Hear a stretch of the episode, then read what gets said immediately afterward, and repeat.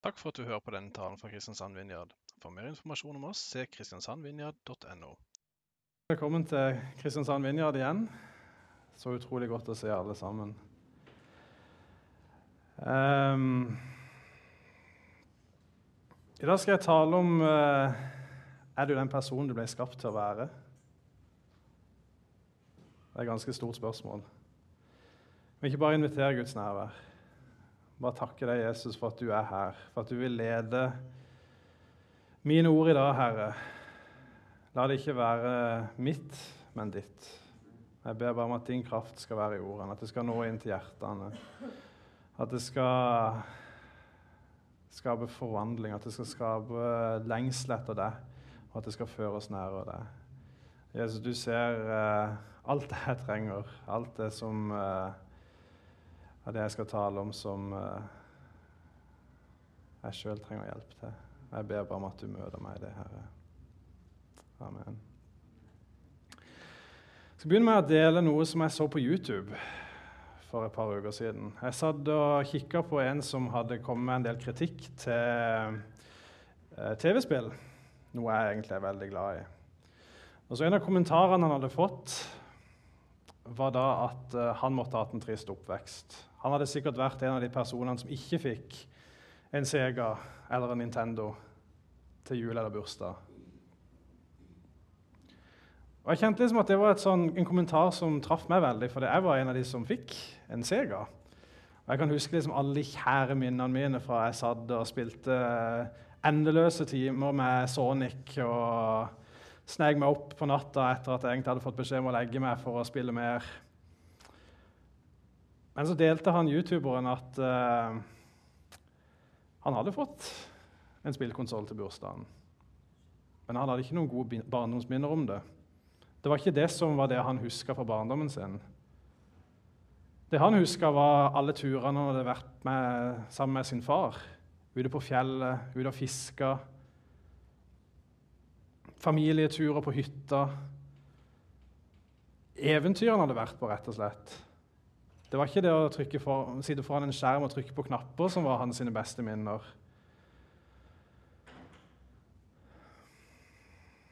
Og Det er kanskje ikke så veldig mange her som har uh, sine beste minner fra barndomstida knytta til TV-spill.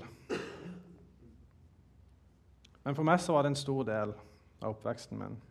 Jeg har tidligere delt for uh, og flere av dere har nok hørt det, hvordan Gud jobber i meg med å fjerne søppel fra fortida, med å lede meg nærere Han og ja, rett og slett gi meg det livet som jeg var skapt for, til å ha. Å fjerne avguder i livet mitt. Og når jeg hørte det, det han snakka om i forhold til barndommen, så innså jeg at eh, jeg har ikke hatt den barndommen som jeg burde hatt. Grunnen til at jeg har gode minner fra barndommen med spill, er jo fordi pappa ble syk, og fordi veldig mye vanskelig skjedde rundt meg. Så jeg gravde meg ned i, i spill som en måte å rømme fra den faktiske verden. Men det var jo ikke det gode. Det var bare en distraksjon, det var en måte å rømme fra alt det vanskelige som skjedde. Og jeg kjente at Gud begynte å jobbe i meg i forhold til ting som jeg fortsatt har holdt fast på. Fordi jeg har tenkt at åh, jeg kan ikke liksom selge de spillene, f.eks. For, eksempel, for det, Anniken og Aksel Emil må jo få lov til å oppleve det når de blir større. De må jo ha de samme opplevelsene som meg. Men så kjente jeg at nei, det er jo ikke de opplevelsene jeg vil at de skal sitte igjen med. Jeg vil jo at de skal få lov til å være ute og oppdage den faktiske verden. Ut i naturen, ut i Guds natur, oppleve hvem Gud er. Og det ble en øyeåpner for meg. Og så er det jo sånn Gud jobber på veldig mange rare måter. For et par uker siden så hadde jeg emneprøve i filosofi. Eh, jeg satt der og var ganske nervøs. og så kom der På et av kortsvarsoppgavene våre så skulle vi gjøre rede for Platons eh, hulelignelse. Hvis det er noen som har tatt X-FIL eller filosofi, så vet de garantert hva det går i. Men iallfall så eh, går hans hulelignelse ut på Jeg tror vi får opp et bilde òg her, kanskje. Ja, ja. Det sitter noen fanger bundet til en vegg med hodene sine også bundet, så ikke de kan eh, flytte på seg på noe vis. Og Der har de sittet siden barndommen av. Og alt de ser, er det som er på, foran seg på huleveggen. Bak de er det en mur. Og bak den muren går folk med all verdens eh, redskaper og bilder av mennesker og dyr og andre ting. På toppen så er det en, et bål som kaster skygger på veggen. Det disse fangene da opplever som sin virkelige verden, er kun de skyggene som de ser på veggen. Og Videre så snakka Platan om at hvis no, en av de fangene faktisk kom seg løs, så vil han, idet han faktisk ser disse tingene som ble båret over denne veggen, ikke skjønner at det er det virkelige, for de ser mye mindre ut. De har andre farver. Han vil bli blenda av lyset. Etter hvert som han kommer seg ut, så vil han stille spørsmål om alt han ser. Fram til han innser langt om lenge at det han har sett, har bare vært skygger. Og han endelig skjønner hva skygger er. Jeg kan for øvrig si det at det å få en sånn eh, Når Gud begynner å tale til deg på emneprøver, så er det veldig dårlig timing, for du har veldig kort tid på det. Men Gud begynte å tale til meg i denne. Selve forklaringa på denne har egentlig ingenting med Gud å gjøre for Platon sin del. Men jeg kjente en sånn åpenbaring i forhold til mitt liv. Hvor mange sider av mitt liv har bare vært skygger på en hulevegg? Som ikke har vært den virkelige verden, som har vært innbilninger eller skygger av det livet som Gud egentlig har for meg. Og så minner Gud meg på hvordan barndommen min har vært en skygge av barndommen som mange andre opplever. Og så begynte jeg å stille meg spørsmål Lever jeg det livet jeg ble skapt til å leve? Eller tar jeg til takke med bare skyggebilder?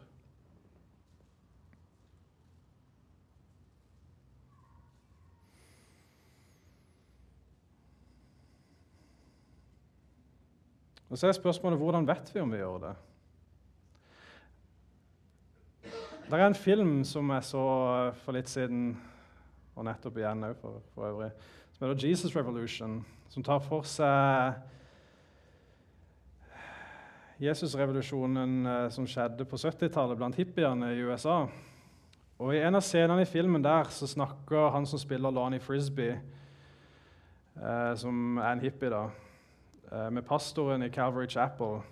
Og Han deler om hvordan hans folk er, altså hippiene, hvordan han vil beskrive folkene sine. Og Der er det to setninger som jeg bare kjente virkelig traff meg når jeg så den filmen første gang. Og Han sier at han ser på hippiene som 'kids searching for all the right things just in all the wrong places'. Altså barn som leter etter alle de rette tingene, bare på alle de feil stedene. Og Han sier at de er 'sheep without a shepherd, chasing hard after lies'. De er sauer uten en gjeter som jager hardt etter løgner. Og Jeg tror ikke bare det var hippiene på 70-tallet.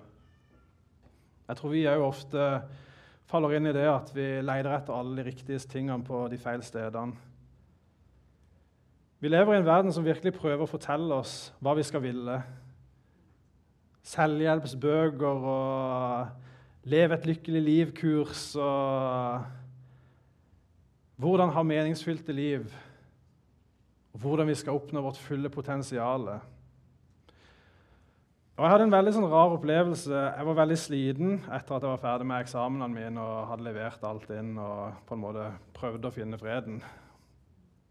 Og Jeg tenkte åh, nå skal jeg koble av. Nå skal jeg sette meg ned og se en god film. Nå skal jeg koble av fra alt. Så så jeg en film. Gikk, jeg husker ikke hvilken film jeg så en gang. Det gikk et par timer. Og jeg sa det etterpå, så, så kjente jeg bare Gud si til meg Føler du deg mer avslappa nå? måtte tenke litt liksom, Nei, jeg gjør egentlig ikke det. Hvorfor prøver du å koble deg av? Det å koble av er generelt en ganske rar ting å gjøre. Hvorfor skal vi koble oss av livet? Hvorfor skal vi koble oss av noe? Og så kjente jeg bare at det jeg trenger, er å koble meg på. Jeg trenger å koble meg på Jesus. For det som jeg kjente på, var at jeg var sliten. Og det å koble av fra den slitsomheten eller utmattelsen gjorde ikke at jeg ble noe mindre sliten, det gjorde bare at jeg utsatte den slitenheten to timer. Men når jeg satte meg ned og øste ut hjertet mitt for Gud, hva jeg kjente på, hva jeg bekymra meg over, så kjente jeg at freden kom.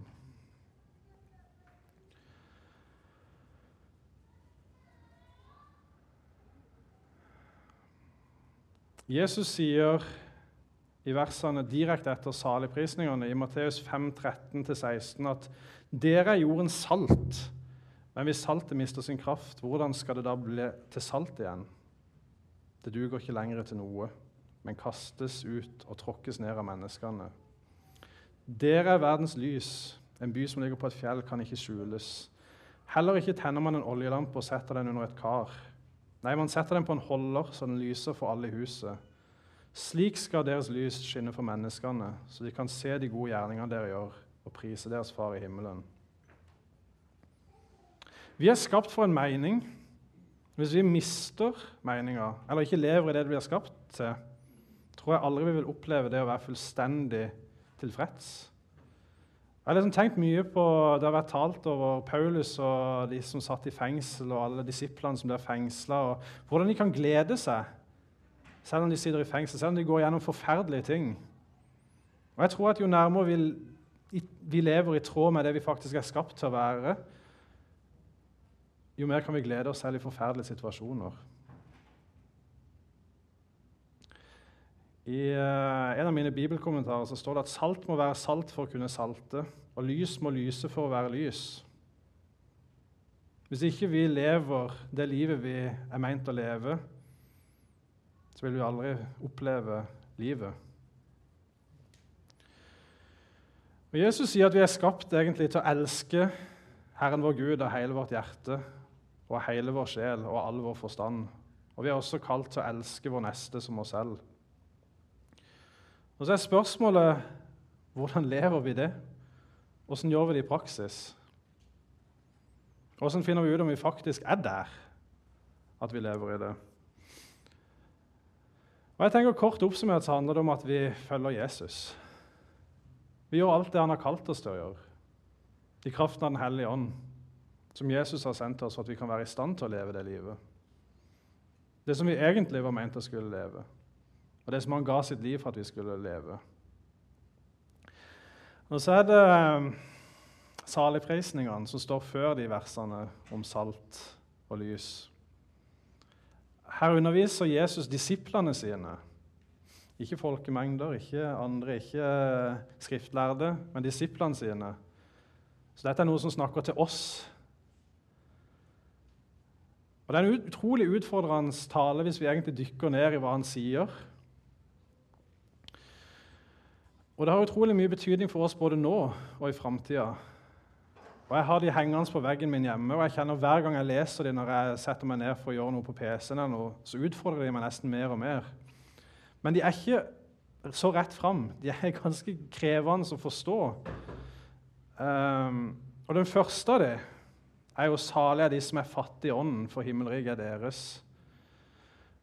Og Først og fremst er ordet 'salig' Hva betyr egentlig 'salig'? Og Det kan bety lykkelig velsigna. Det er en tilstand hvor andre misunner deg noe som du har. Heldig. Det å ha det i overmåte vel. Og det er et nådeord hvor rett og slett man bør ønske noen lykke som har det. Man bør prise dem for det de har det. Og fattig i ånden er veldig knytta til det ordet med å tigge. Det er knytta til tiggere på Jesu tid. De som trengte andres nåde for selv de mest grunnleggende tingene for å overleve til neste dag. Og På samme måte så skal vi være avhengig av Gud for alt. For at vi skal kunne leve hvert eneste sekund. Vi skal oppgi all selvavhengighet og søke Guds nåde. Det er ganske sterkt. Det er ganske krevende. Når jeg hadde først møtt Jesus og hørte en tale av Fredrik Tybakken hvor han snakker om at livet med Jesus det er litt som å overgi rattet til Jesus. Og Det begynner litt sånn at man sitter på sida, og så er det litt sånn Jesus styrer, og så vil man helst ha litt i rattet sjøl. Og så etter hvert så blir man litt sånn mer og mer forvist bak, eller man velger sjøl å sette seg i baksetet og blir mer bare den der litt sånn slitsomme som eh, kommer med tips om hvordan man egentlig bør kjøre bilen. Og Jeg har liksom en drøm om at jeg en dag bare skal være i sånn amerikansk taxi hvor det er en glassrute, så, ikke gang, eh, så bare livet mitt går der Jesus vil, og ikke jeg kan komme med noen innvendinger på det. Og Det neste er salige er de som sørger, for de skal trøstes. Og Her er det ikke snakk om verdslig sorg. Paulus snakker i 2. Korinteren 7,10 om at den type sorg som han har påført menigheten i Korint med å refse dem, er en sånn type sorg som fører til omvendelse og frelse. Og som han skriver, det angrer ingen. Men sorg som er denne verden, fører til synd. Det er en type guddommelig sorg som sørger over synd. Og synd i seg sjøl og den skaden han har for sjela. Det er utrolig lett at sorg på en måte er mer sånn meg-sentrert. At det handler om at jeg har gjort noe som skader meg. Men den typen sorg som det er snakk om her, er en type sorg hvor vi innser at synden vår har skada vår himmelske Far, som elsker oss så høyt. Så uendelig mye mer enn det vi er i stand til å forstå. Så har vi salige de ydmyke for de skal arve jorda. Og Her er det særlig snakk om ydmykhet i forhold til Gud. Guds suverenitet og vår totale avhengighet av Han. Og Det handler om to ting. Det ene er ydmykhet, og det andre er selvdisiplin eller selvkontroll. Det handler om å kontrollere styrke, det handler om å kontrollere hvor mye vi gir ut av oss sjøl, kontra hvor mye vi er avhengig av Gud. Og Det er to kvaliteter som jeg tenker kan være utrolig krevende i et samfunn som vektlegger det stikk motsatte. Vi skal definitivt ikke være ydmyke. Og selvdisiplin det kan være litt oppskrytt. Vi skal i hvert fall prøve å handle så mye vi kan på impuls, og helst være impulsive. Så har vi salige de som hungrer og tørster etter rettferdigheten, for de skal mettes. Hungrer og tørster som heter mat og drikke.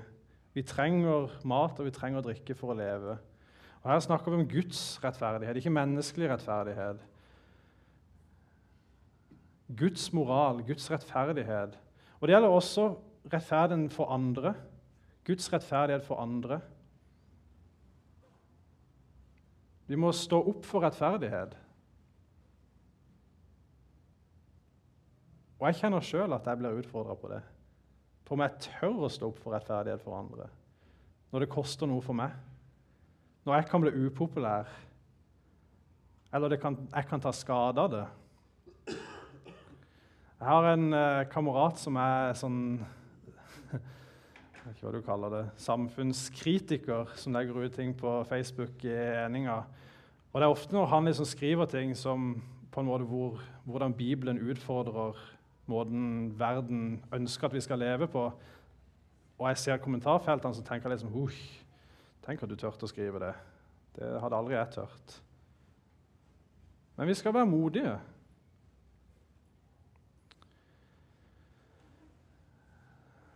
Begynner vi å nærme oss her. Salige er de barmhjertige, for de skal få barmhjertighet.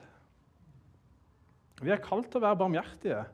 Og Ikke bare fordi vi lider, ikke bare for de som er barmhjertige og gode mot oss. Men vi skal være barmhjertige mot fiendene våre, mot de som forfølger oss, mot de som gjør ondt mot oss. Og Innenfor denne så tenker jeg også at vi kan plassere alle former for evangelisering, alle former for uh, tjeneste. For den største barmhjertigheten er jo den Jesus ga oss med å gi sitt liv på korset for oss. Og vi skylder faktisk å fortelle andre om den nåden som er tilgjengelig for dem.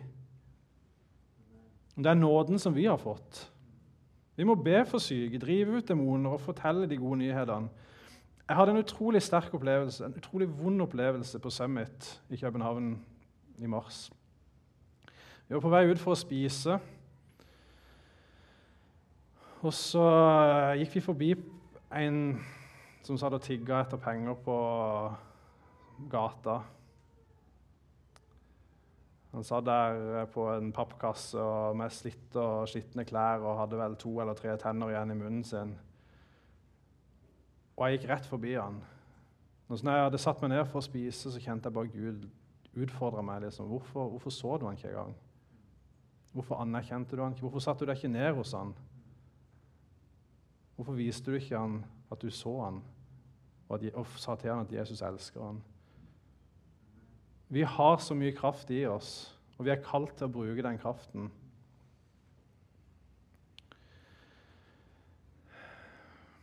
Da er vi salige de rene av hjerte, for de skal se Gud. Den er krevende. Vi skal ta avstand fra alle former for urenheter. Grådighet, baksnakking, begjær, ubibelsk seksualitet. Og kanskje en som vi ikke snakker så veldig mye om, selvsentrerthet. Fokuset på meg. Satans favoritt. Han prøvde å sette seg sjøl høyere enn Gud. Og han ønsker ingenting mer enn at vi skal gjøre det samme. Jeg har hatt perioder i livet mitt hvor jeg har definitivt ikke levd med et rent hjerte. Og det det skaper, er jo at jeg tar avstand fra Gud. Ikke at jeg gjør det bevisst, men eh, synd har veldig mange gode venner. Skam er en av dem. Den har en veldig grei tendens til å fortelle oss om hvorfor vi ikke bør være rundt andre. Fordi vi tenker at eh, andre kan se på oss hva vi har gjort. Vi føler oss uverdige eller ureine eller uh, eh, uønska. Og det er ikke det at Gud ikke ønsker oss, men vi tror at Gud ikke ønsker oss. Og vi ønsker å Akkurat som Adam og Eva i hagen, så ønsker vi å gjemme oss vekk fra Gud. Og så blir vi lurt til å skape avstand til han. Men han står alltid klar for å ta imot oss igjen til å tilgi oss. Salige er de som skaper fred. Nå har vi to igjen. For de skal kalles Guds barn. Det å skape fred, det koster utrolig mye. For Jesus så kosta han livet. Og vi er kalt til å oppgi våre rettigheter, til å oppgi vår komfort, til å oppgi hva det måtte være, for å skape fred blant mennesker og folkegrupper. Og demonstrere Guds godhet på jorda på en praktisk måte. Men for å kunne gjøre det så trenger vi fred i oss sjøl òg. Vi kan ikke gi noe vi ikke har. Vi må be Gud om å komme med den freden. Den siste er salig de som er forfulgt for rettferdighets skyld, for himmelriket er deres. Ja, salig er dere når de for min skyld håner og forfølger dere, lyver og snakker rundt om dere på alle vis. Gled og fry dere, for stor er lønnen dere har i himmelen. Slik forfulgte de, forfulgte de også profetene før dere. Og Enda så opplever vi ikke forfølgelse, heldigvis, i vårt land. Men det å leve så radikalt som Jesus kaller oss det, hvis vi faktisk lever det, kommer til å koste oss. Og vi kommer til å møte motstand. Og det kommer til å bli ubehagelig. Men samtidig så tror jeg ikke at eh, hvis vi ønsker å føle oss opp, oppriktig tilfreds, at vi har noe annet valg. Jeg tror vi er nødt til å jage etter dette livet som Jesus kaller oss, det som Jesus kaller sier er tilgjengelig for oss, og som Gud har skapt oss til med alt vi har, alt vi er, alt vi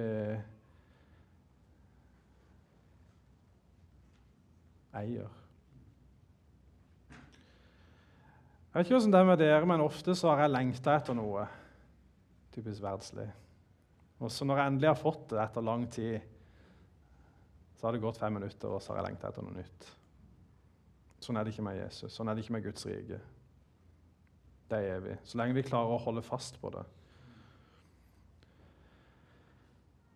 Akkurat som de fangene i hulemetaforen, så tror jeg mange av oss ofte tar til takke med skygger framfor det ekte. At vi tar til takke med livet som verden sier at vi bør leve, eller Satan sier at vi bør leve istedenfor det virkelige gudsrike livet som Jesus ga sitt liv for at vi skulle ha. Og så var det veldig morsomt når jeg holdt på å skrive denne talen. Så jeg medlem av en sånn uh, uoffisiell Vinja teologiside. Så poppa der opp en sånn notifikasjon at noen hadde publisert noe. Og Det som kom opp da, var en som hadde skrevet You never feel more alive than when you are telling people about Jesus. Du føler deg aldri mer i live enn når du forteller folk om Jesus. Og Kommentarene under var ingen som var uenig i det. Livet finnes kun i det livet Jesus har for oss. Og jeg tror det at Uansett hvor krevende det er, uansett om det kommer forfølgelser, uansett om vi må oppgi alt vi har, så er det ingenting som ikke er verdt å oppgi for Jesus og for det livet som han kaller oss til. Og det er så mange, utrolig mange unødvendige ting som vi bruker tid på, som vi kan velge å oppgi for å leve 100% ut det livet som Jesus har for oss. Og Jeg opplevde det veldig sterkt under de bønnemøtene når vi hadde bønn hver eneste kveld. Jeg så ikke på TV. Jeg hadde nesten ikke tid til noe annet enn å gå på skole og være her i bønn. Men jeg savna ikke noe av det. Ingenting. Fordi jeg kjente at jeg brukte tid med Jesus, og jeg kjente at livet ga mening. Hadde, det var utrolig sterkt, for jeg kjente at jeg hadde faktisk ingenting jeg lengta etter i de dagene. Unntatt mer unntatt det å se andre òg få lov til å oppleve, oppleve, det livet som Jesus har. Så helt sånn Avslutningsvis så vil jeg bare spørre vil du ha dette livet. Det virkelige livet. For det vil iallfall jeg. Og jeg kjenner når jeg leser saligprisningene, så er det, tror jeg ikke det er ett av punktene som ikke jeg kjenner meg utfordra på. Og så allikevel så sier Jesus, 'Kom, ta imot livet'. Og Det er kun gjennom han vi kan få det. Og det er kun han som kan eh, gjøre oss i stand til å leve det. Så spørsmålet er bare vil du ta et skritt ut på dypt vann i dag og våge mer. Koste hva det koste vil. Ikke reise oss.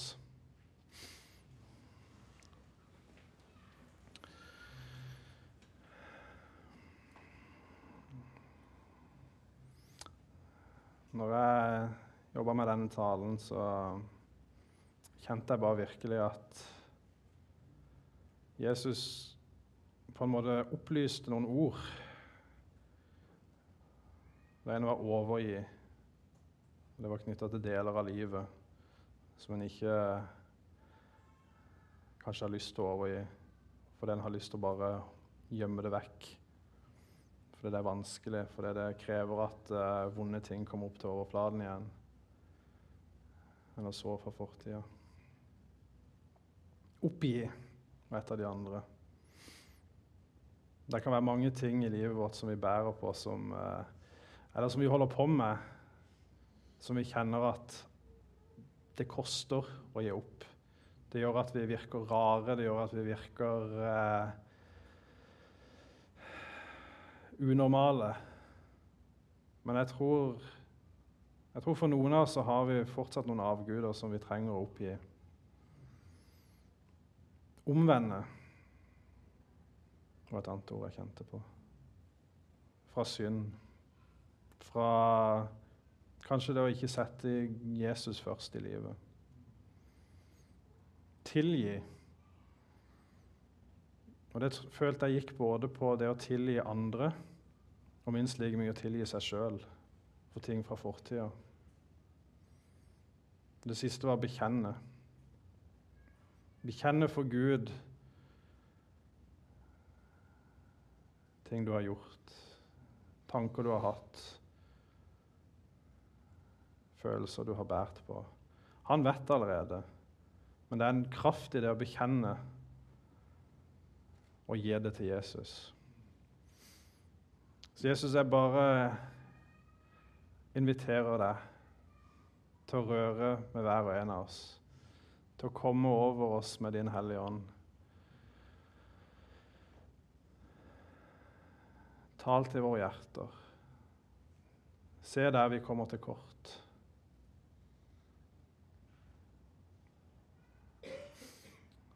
Og hvis du, eh,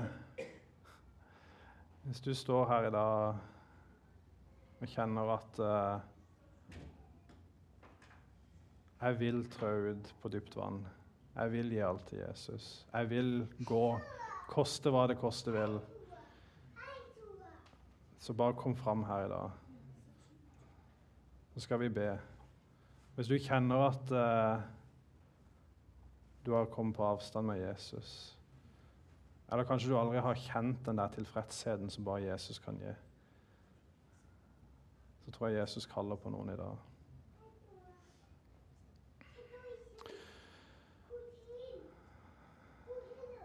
Så Jesus, jeg bare ber om at du forbereder hjerter òg nå, til vi går inn i forbønnsstunder nå. At du eh, gir oss mot til å ta skritt som kjennes utrolig tunge og krevende ut. Til det fullkomne liv som du har.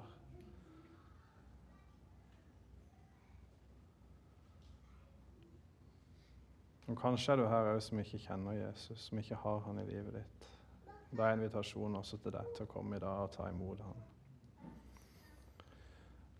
Og Har du sykdommer eller plager, bekymringer, depresjon, usikkerhet og håpløshet, frykter og usikkerheter, bærer du byrder eller sår, så tror jeg at Jesus vil møte mange i dag. Så invitasjonen er også til deg for å komme fram i dag og få forbønn. Vi kan legge hendene på deg, vi kan be. Så tror vi at Jesus vil møte, Jesus vil helbrede, og Jesus vil sette fri. Så kan ikke bare forbedreren komme fram, så setter vi på litt lovsang, og så bruker vi tid på å be. Og så vil kafeen òg straks åpne for de som eh, har lyst på en kopp kaffe og litt eh, i.